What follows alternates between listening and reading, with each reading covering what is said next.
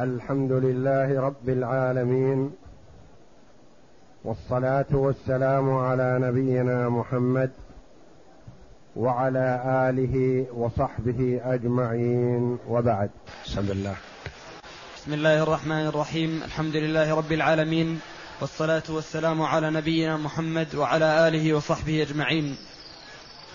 قال المؤلف رحمه الله تعالى في باب ميراث في باب ميراث الخنثى فإذا اجتمع ابن وبنت. فإذا اجتمع اب فإذا اجتمع ابن وبنت وولد وولد خنثى فللذكر أربعة أسهم وللخنثى ثلاثة وللبنت سهمان لأنه يحصل بهذا العمل له نصف ميراث الذكر ونصف ميراث الأنثى. فإن كان مكان فإن كان مكان الابن أخ أو غيره من العصبات فله السدس والباقي بين الخنثى والبنت على خمسة. وقال أصحابنا تعمل المسألة على أنه ذكر ثم على أنه أنثى ثم تضرب إحداهما في الأخرى إن تباينتا أو وفق إحداهما في الأخرى إن اتفقتا أو تجتزئ بإحداهما إن, بإحداهما إن تماثلتا أو بأكثرهما إن تناسبتا. وتضرب ذلك في اثنين فما بلغ فما بلغ فمنه تصح.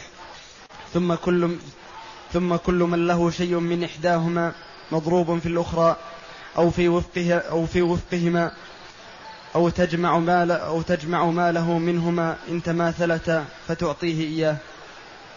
ففي هذه المسألة إن قدرناه ذكرا فهي من خمسة وإن قدرناه أنثى فهي من أربعة تضرب أربعة في خمسة تكن عشرين. ثم في الحالين تكن أربعين فللابن اثنان في خمسة واثنان في أربعة ثمانية عشر وللبنت تسعة وللخنثى سهم في خمسة وسهمان في وسهمان في أربعة ثلاثة عشر لأن الابن. لأن الابن لأن للابن الخمسين بيقين وذلك ستة عشر وللبنت الخمس بيقين ثمانية وللخنثى الربع بيقين عشرة فذلك أربعة وثلاث فذلك أربعة وثلاثون. يبقى ستة أسهم يدعيها الخنثى يدعيها الخنثى كلها. ليتم له سهم ذكر ويدعي الابن ويدعي الابن ثلثيها. ليتم له النصف والبنت تدعي ثلثها. ليتم لها الربع. فقسمناها بينهم على حسب دواعيهم. للخنثى نصفها ثلاثة وللابن سهمان وللبنت سهم. قول المؤلف رحمه الله تعالى في باب الميراث الخنثى المشكل. لأن الخنثى قد لا يكون مشكلا فحسب ما يتبين. قد يكون له آلة ذكر وآلة أنثى لكنه يتميز يبين أنه ذكر فيجرى ذكر وارثا أو شريكا في ميراث أو يتميز أنه أنثى فكذلك يكون أنثى لكن يكون مشكل إذا مات قبل أن يتميز. هذه حال. أو بلغ ولم يتميز لا ذكر ولا أنثى. ما ظهرت عليه علامات الذكورية ولا علامات الأنوثية فيسمى خنثى مشكل. ما يسوغ للمفتي أن يعطيه نصيب أنثى خشية أن يكون ذكر. ولا يسوغ للمفتي أن يعطيه نصيب ذكر خشية أن يكون أنثى. وقد يرث بكونه ذكر ولا يرث بكونه أنثى. وقد يرث بكونه أنثى ولا يرث بكونه ذكر. وقد يستوي ميراثه ذكرا كان أو أنثى فهذا سهل. إذا لم يتميز إذا استوى ميراثه ذكرا كان أو أنثى كان يكون أخ لأم. نصيبه السدس ذكرا كان أو أنثى. ومن عداه فلا بد أن يختلف. إما أن يكون يرث بالذكورية فقط أو يرث بالأنوثية فقط أو يرث بهما معا لكن متفاضلة أو يرث بهما معا متساوية أو يرث أحيانا وأحيانا لا يرث. فهذا هو المسمى مشكل. فالعلماء رحمهم الله قالوا يجعل له مسألة على فرض أنه ذكر وتقسم ثم يعطى يجعل له مسألة أخرى على أنه أنثى فتقسم ثم ينظر بين المسألتين. فلا تخلو. إما أن تكون المسألتين متماثلة أو داخلة إحداهما في الأخرى أو متوافقة أو متباينة. تذكير للمتماثلة كأن تكون المسألة من ثلاثة أو من, ثلاثة من ثلاثة وثلاثة. من أربعة وأربعة من سبعة وسبعة من ثمانية وثمانية ما تختلف. هذه تسمى المسألتان متماثلتان. إذا كانت إحداهما داخلة ضمن الأخرى اثنان وأربعة اثنان وستة ثلاثة وستة أربعة وثمانية. هذه تسمى متناسبة أو متداخلة يعني داخلة واحدة في الأخرى فتكتب تأخذ الأكبر. أو تكون متوافقتان كأن تكون أربعة وستة ليست متداخلة وإنما هي متوافقة. أربعة وستة متوافقة بالنصف. ثلاثة وتسعة متوافقة بالثلث ومتداخلة كذلك. أربعة واثنا عشر. عشرة واثنا عشر. ثمانية واثنا عشر. متوافقة. يعني تجتمع في جزء من الأجزاء. يكون لهما لكل واحدة منهما هذا الجزء. لها ربع والثانية لها ربع. لها ثلث ولها ثلث. لها خمس ولها خمس. متوافقة في جزء من الأجزاء. أو تكون متباينة كثلاثة وأربعة وثلاثة وخمسة وثلاثة وسبعة وأربعة وتسعة وأربعة وأحد عشر وأربعة وثلاثة عشر وهكذا. يعني ما تتفقان في جزء من الأجزاء. يقال لها متباينة. وكل عددين متواليين فهما متباينان. ثلاثة وأربعة متباينة. أربعة وخمسة متباينة. خمسة وستة متباينة. ستة وسبعة متباينة.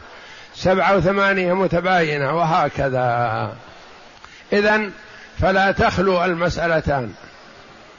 إما أن تكونا متماثلتين. أو متناسبتين يعني داخل إحداهما في الأخرى. أو متوافقتين أو متباينتين. فإن كانتا متماثلتين اكتفيت بإحداهما. واحدة هي الجامعة. وإن كانتا متداخلتين أخذت العدد الأكبر. وإن كانتا متوافقتين أخذت وفق أحدهما فضربته في الآخر والناتج هو الجامعة. وإن كانتا متباينتين ضربت إحداهما في الأخرى والناتج هو الجامعة. وما نتج يكون هو الجامعة. الجامعة تقسم على المسألة الأولى والناتج هو جزء السهم. وتقسم على المسألة الثانية والناتج هو جزء السهم. ثم لا يخلو. إن كنت تأمل أن ينكشف الحال فتعطي كل واحد الأقل مما يستحق وتحفظ الباقي. وإن كان أحد الورثة نصيبه واحد من هذه المسألة ومن هذه المسألة تعطيه نصيبه ويستريح ويستراح منه. وإن كان يرث في مسألة ولا يرث في الأخرى فلا تورثه. ثم تبقي الباقي تعطي كل واحد الأقل مما يستحق بما في ذلك الخنثى والباقي يكون موقوف حتى يتبين الحال. ما تبين الحال تعطي الخنثى نصف ميراث ذكر ونصف ميراث أنثى وتستريح. في المسألة السابقة مثلا ضربنا إحداهما في الأخرى أو وفقها أو أخذنا خرجنا الجامعة. الجامعة نفسها نضربها باثنين حالة ذكورية وحالة الأنوثية. ثم نقسم الجامعة المضروبة باثنين على المسألتين. والناتج هو كجزء السهم لكل مسألة.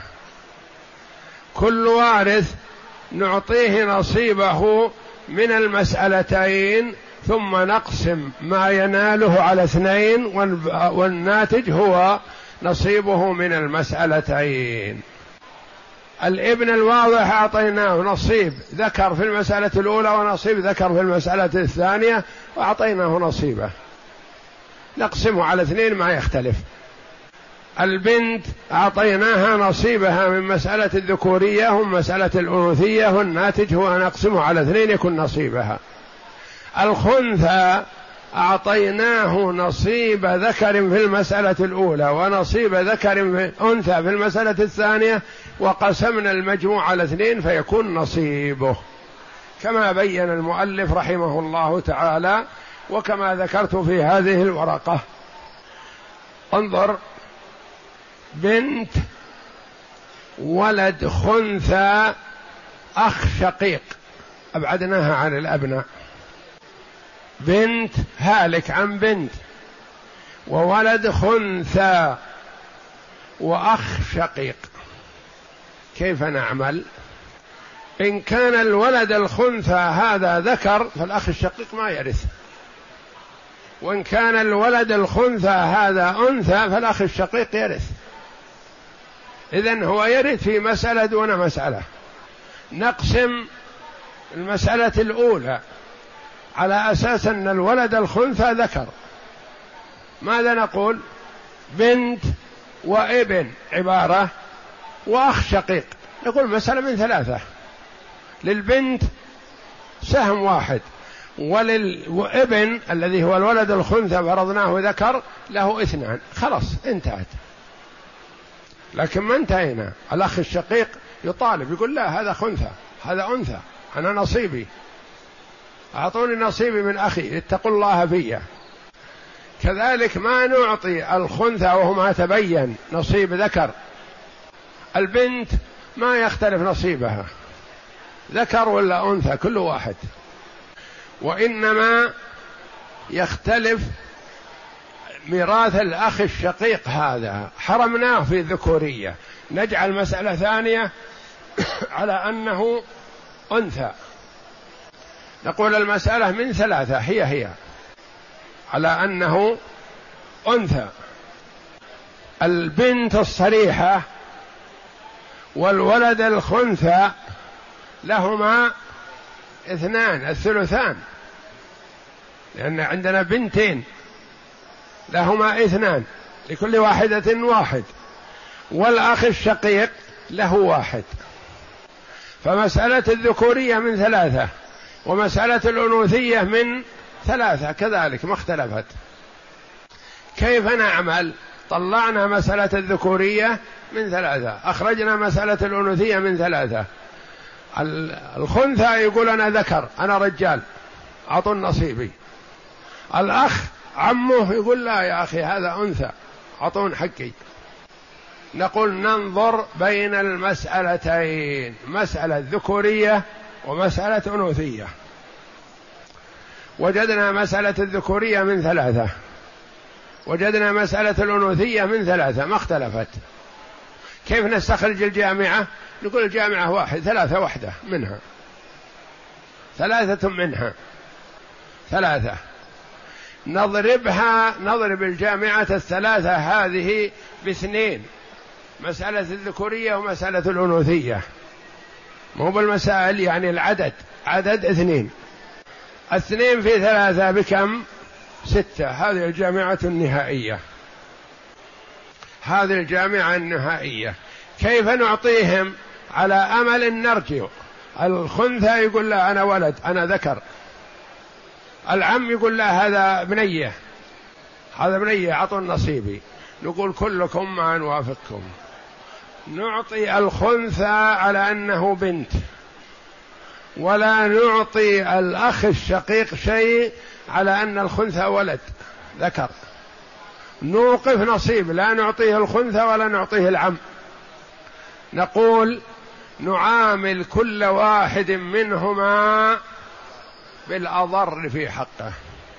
البنت تقول الحمد لله على السلامة أنا ما علي ذكر ولا أنثى. حقي الثلث ذكر ولا أنثى. إن كان أخوي ذكر فله اثنان ولي واحد وإن كان أخوي أنثى فلي واحد ولي أخي واحد مثلي ولعمي الباقي واحد. ما يختلف نصيب. أعطيناها نصيبها. الولد الخنثى وعمه. كيف نفصل بينهم؟ نقول نعطي الخنثى على أنه أنثى. هذا الأضر في حقه. ولا نعطي العم لأنه يحتمل أنه ذكر فنعطيه العم يأكله. نعامل كل واحد بالأضر. نقول بالنسبة للبنت تأخذ واحد من ثلاثة في المسألة الأولى واحد من ثلاثة في المسألة الأولى.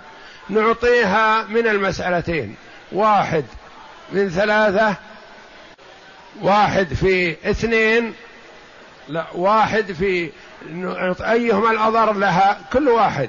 نعطيها من أحدهما نقول واحد في اثنين باثنين. هذا نصيبها البنت. نصيب البنت اثنين. اثنين من كم؟ من ستة ما يختلف.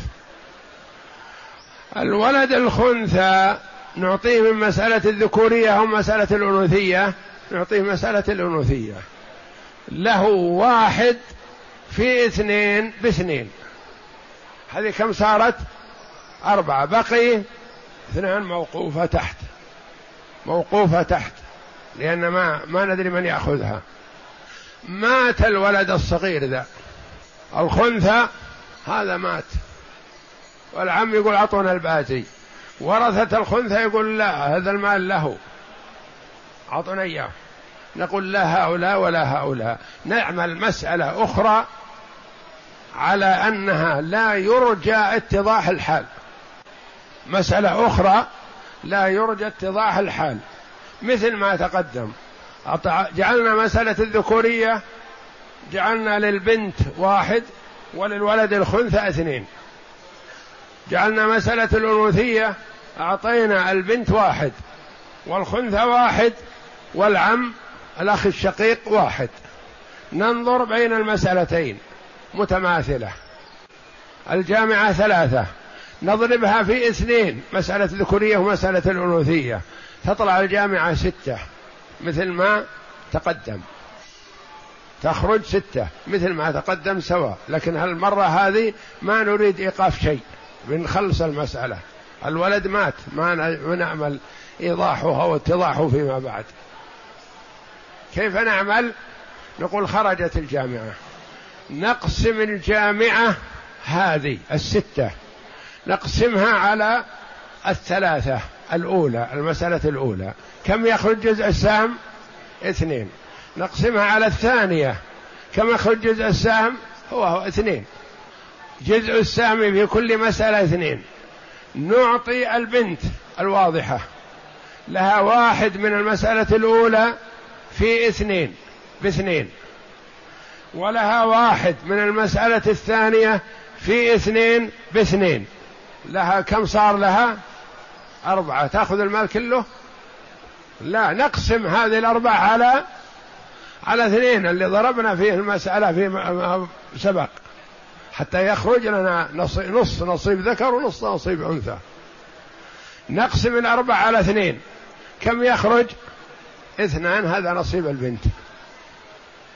والبنت زقلبها يمين وشمال وفوق وتحت ما لها غير الثلث.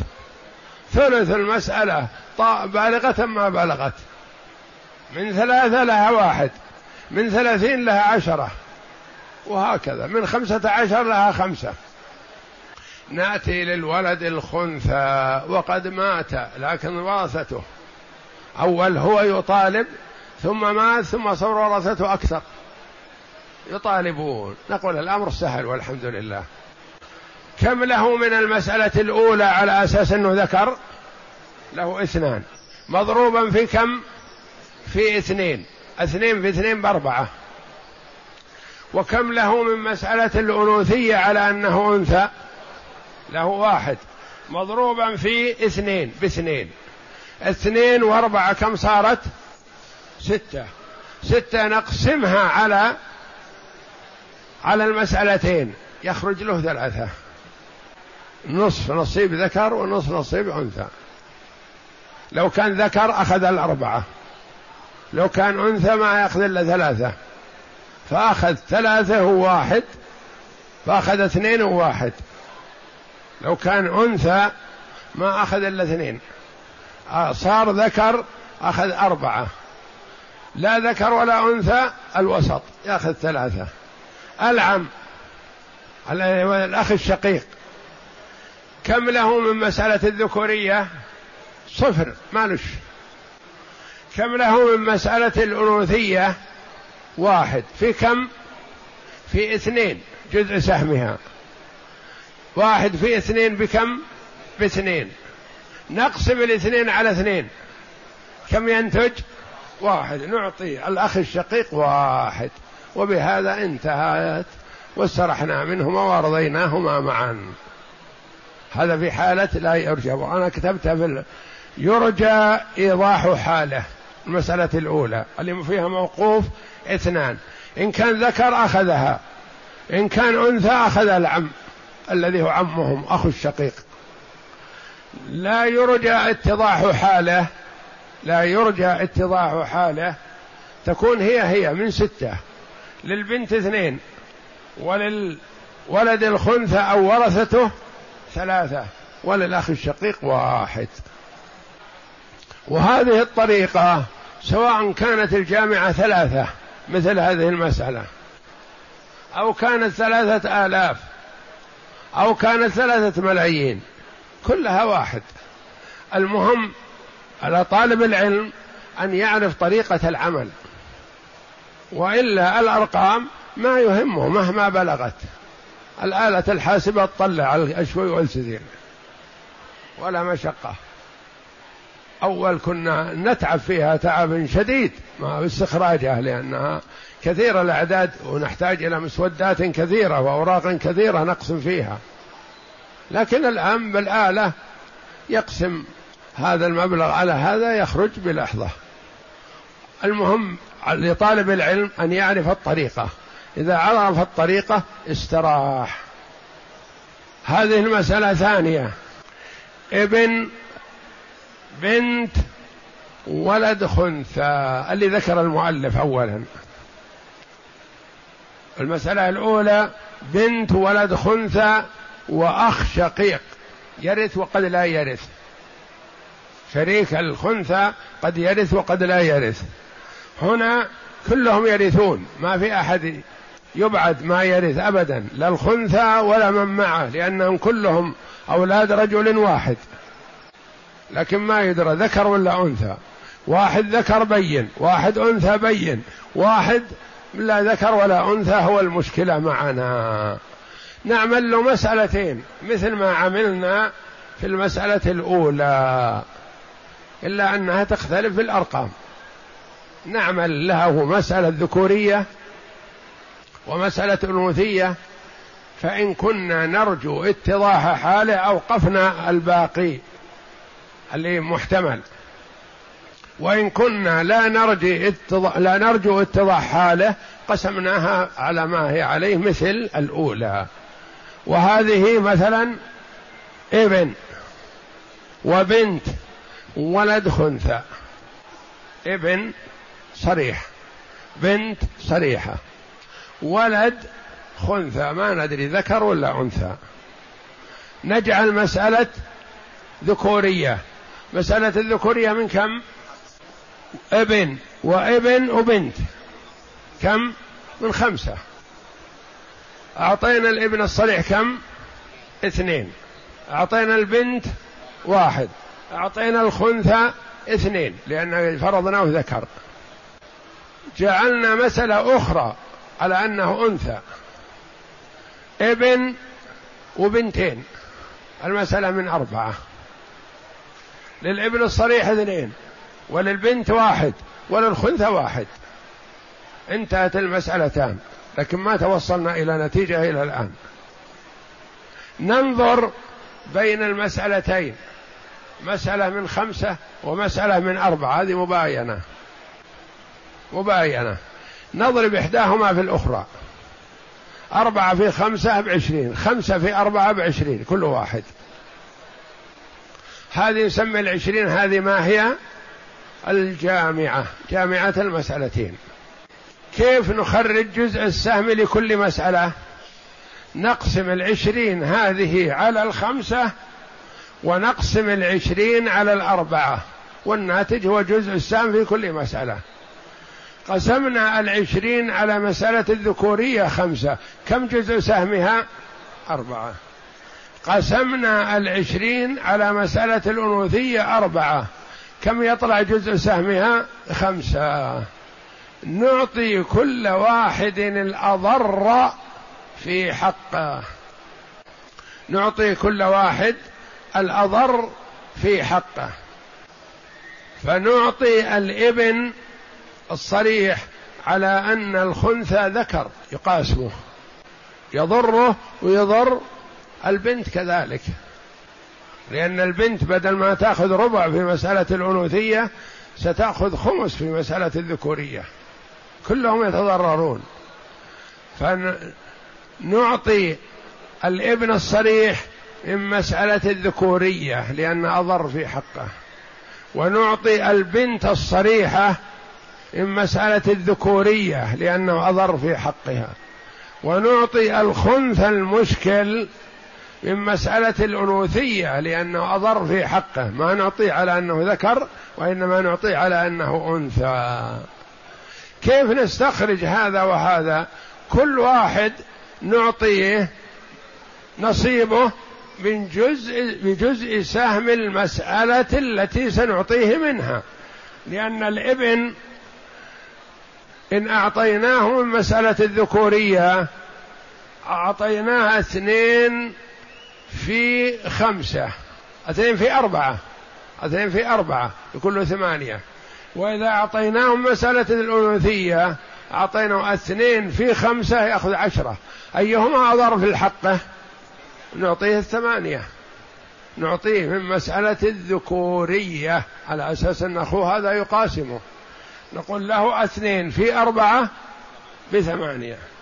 البنت ما هي ليست كالبنت الأولى هذه متضررة لأنه في مسألة الذكورية ستأخذ خمس وفي مسألة الأنوثية ستأخذ ربع كامل.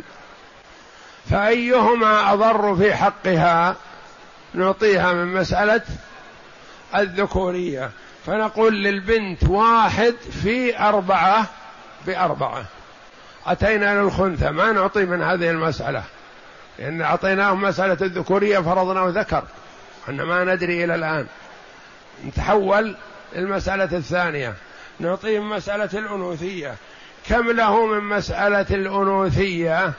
له واحد. مضروبا في جزء سهمها وهو خمسة. نقول له واحد في خمسة بخمسة. نجمع. كم أخذ الذكر؟ ثمانية. كم أخذت الأنثى؟ أربعة. كم أخذ الخنثى؟ خمسة. خمسة وأربعة؟ تسعة. وثمانية؟ عشر. سبعة عشر. ثلاثة وين وديها هذه عند القاضي. يحفظها في بيت المال. ما يتصرف فيها هذا ولا هذا لأن ما ما جزمنا لمن هي له. فيكون القاضي يحفظها في بيت المال. هذا في حال ما يرجى اتضاح حاله. إن تبين لنا جانا بعد كذا نبتت لحيته رجل نقول الحمد لله خذ نصيبك. نعطيه الثلاثة كاملة. يصير أخذ ثمانية وأخوه أخذ ثمانية وأخته أخذت أربعة ما بقي شيء. قول أنا رجل وأنا تزوجت الحمد لله وأنا كذا وأنا كذا يقول ابشر بالخير. هذه عانة الزواج. خذ.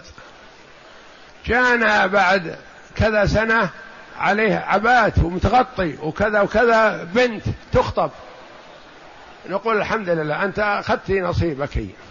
مالك زيادة. لأن فرضنا أنك أنثى وأصبحت أنثى فأعطيناك نصيب أنثى. الثلاثة وين وديها هذه؟ نعطي الابن اثنين ونعطي البنت الصريحة واحد. يكون للبنت الصريحة خمسة مثل أختها. ويكون للابن الصريح عشرة مثليهما. الثلاثة الموقوفة هذه عند القاضي إما أن تكون للخنثى إن تبين أنه ذكر أو تكون للبنت والابن للبنت واحد وللابن اثنان. وانتهينا. تبين حاله والحمد لله. ما تبين حاله مثل الأولى مات أو استمر لا ذكر ولا أنثى. قد يجوز يستمر يبلغ سنوات مثلا عشرين سنة وأكثر ما يتبين. لا ذكر ولا أنثى لا يميل إلى الذكور ولا يميل إلى الإناث ولا في علامة لا كذا ولا كذا. بينهما. والله جل وعلا على كل شيء قدير. نضرب نفس المسألة الجامعة التي جعلناها العشرين. نضربها باثنين بالمسألتين لأن نريد ننهي المسألة. أصبحت أربعين. أصبحت أربعين الجامعة. نعطيهم مثل ما أعطينا الأولين. نعطيه من مسألة الذكورية حقه كامل ونعطيه من مسألة الأنوثية حقه كامل. ونجمع الجميع ونقسمها على اثنين ويكون هو نصيبه. أعطينا الابن الصريح لأن الأربعين هذه قسمناها على الخمسة على مسألة الذكورية صار جزء سهمها ثمانية. قسمنا الأربعين على الأربعة مسألة الأنوثية صار جزء سهمها عشرة. ثم نعطيهم. فنقول للابن الصريح من مسألة الذكورية اثنين في ثمانية. بستة عشر. وله اثنين في عشرة بعشرين. عشرين وستة عشر ستة وثلاثون. نقسمها على اثنين يكون له ثمانية عشر. تحت الجامع يأخذ ثمانية عشر. الأخت البنت الصريحة نعطيها واحد في ثمانية بثمانية. واحد في عشرة بعشرة. عشرة وثمانية كم؟ ثمانية عشر. نقسمها على اثنين. يكون لها تسعة. يكون لها تسعة. الخنثى. أعطيناهم مسألة الذكورية اثنين في ثمانية بستة عشر. وأعطيناهم مسألة الأنوثية واحد في عشرة بعشرة. أصبح له ست وعشرين.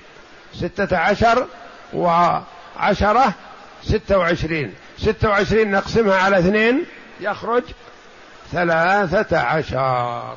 وبهذا تنتهي. نجمع. الذكر الصريح أخذ ثمانية عشر. الأنثى الصريح أخذت تسعة. تسعة وثمانية عشر سبعة وعشرين. الخنثى أخذ ثلاثة عشر. وسبعة وعشرين أربعين أصبحت. وهكذا. هذه أربع المسائل في هذه الورقة. مع أبي بكر. والله أعلم وصلى الله وسلم وبارك على عبده ورسوله نبينا محمد وعلى آله وصحبه أجمعين.